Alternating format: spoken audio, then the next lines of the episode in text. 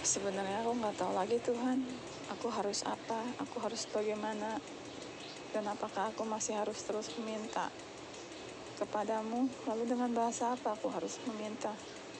Jika semuanya tidak dijawab, jika semuanya hanya diabaikan, aku memohon belas kasihan padamu pun engkau seperti tidak peduli di atas sana. Lalu aku harus apa?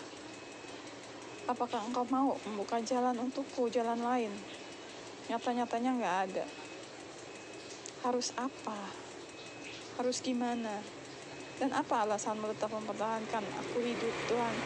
Apa? Jika semua yang aku rasakan hanya pedih hanya sedih dan hanya kehilangan demi kehilangan. Aku nggak tahu lagi Tuhan apa maksud dan tujuanmu untukku. Aku hanya bisa pasrah aku hanya bisa berserah.